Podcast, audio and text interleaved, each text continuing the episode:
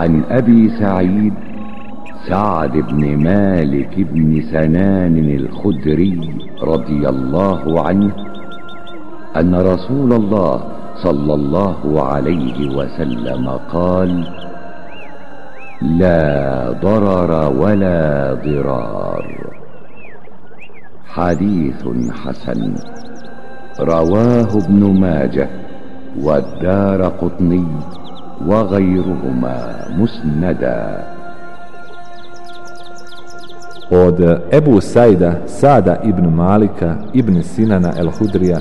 radijallahu anhu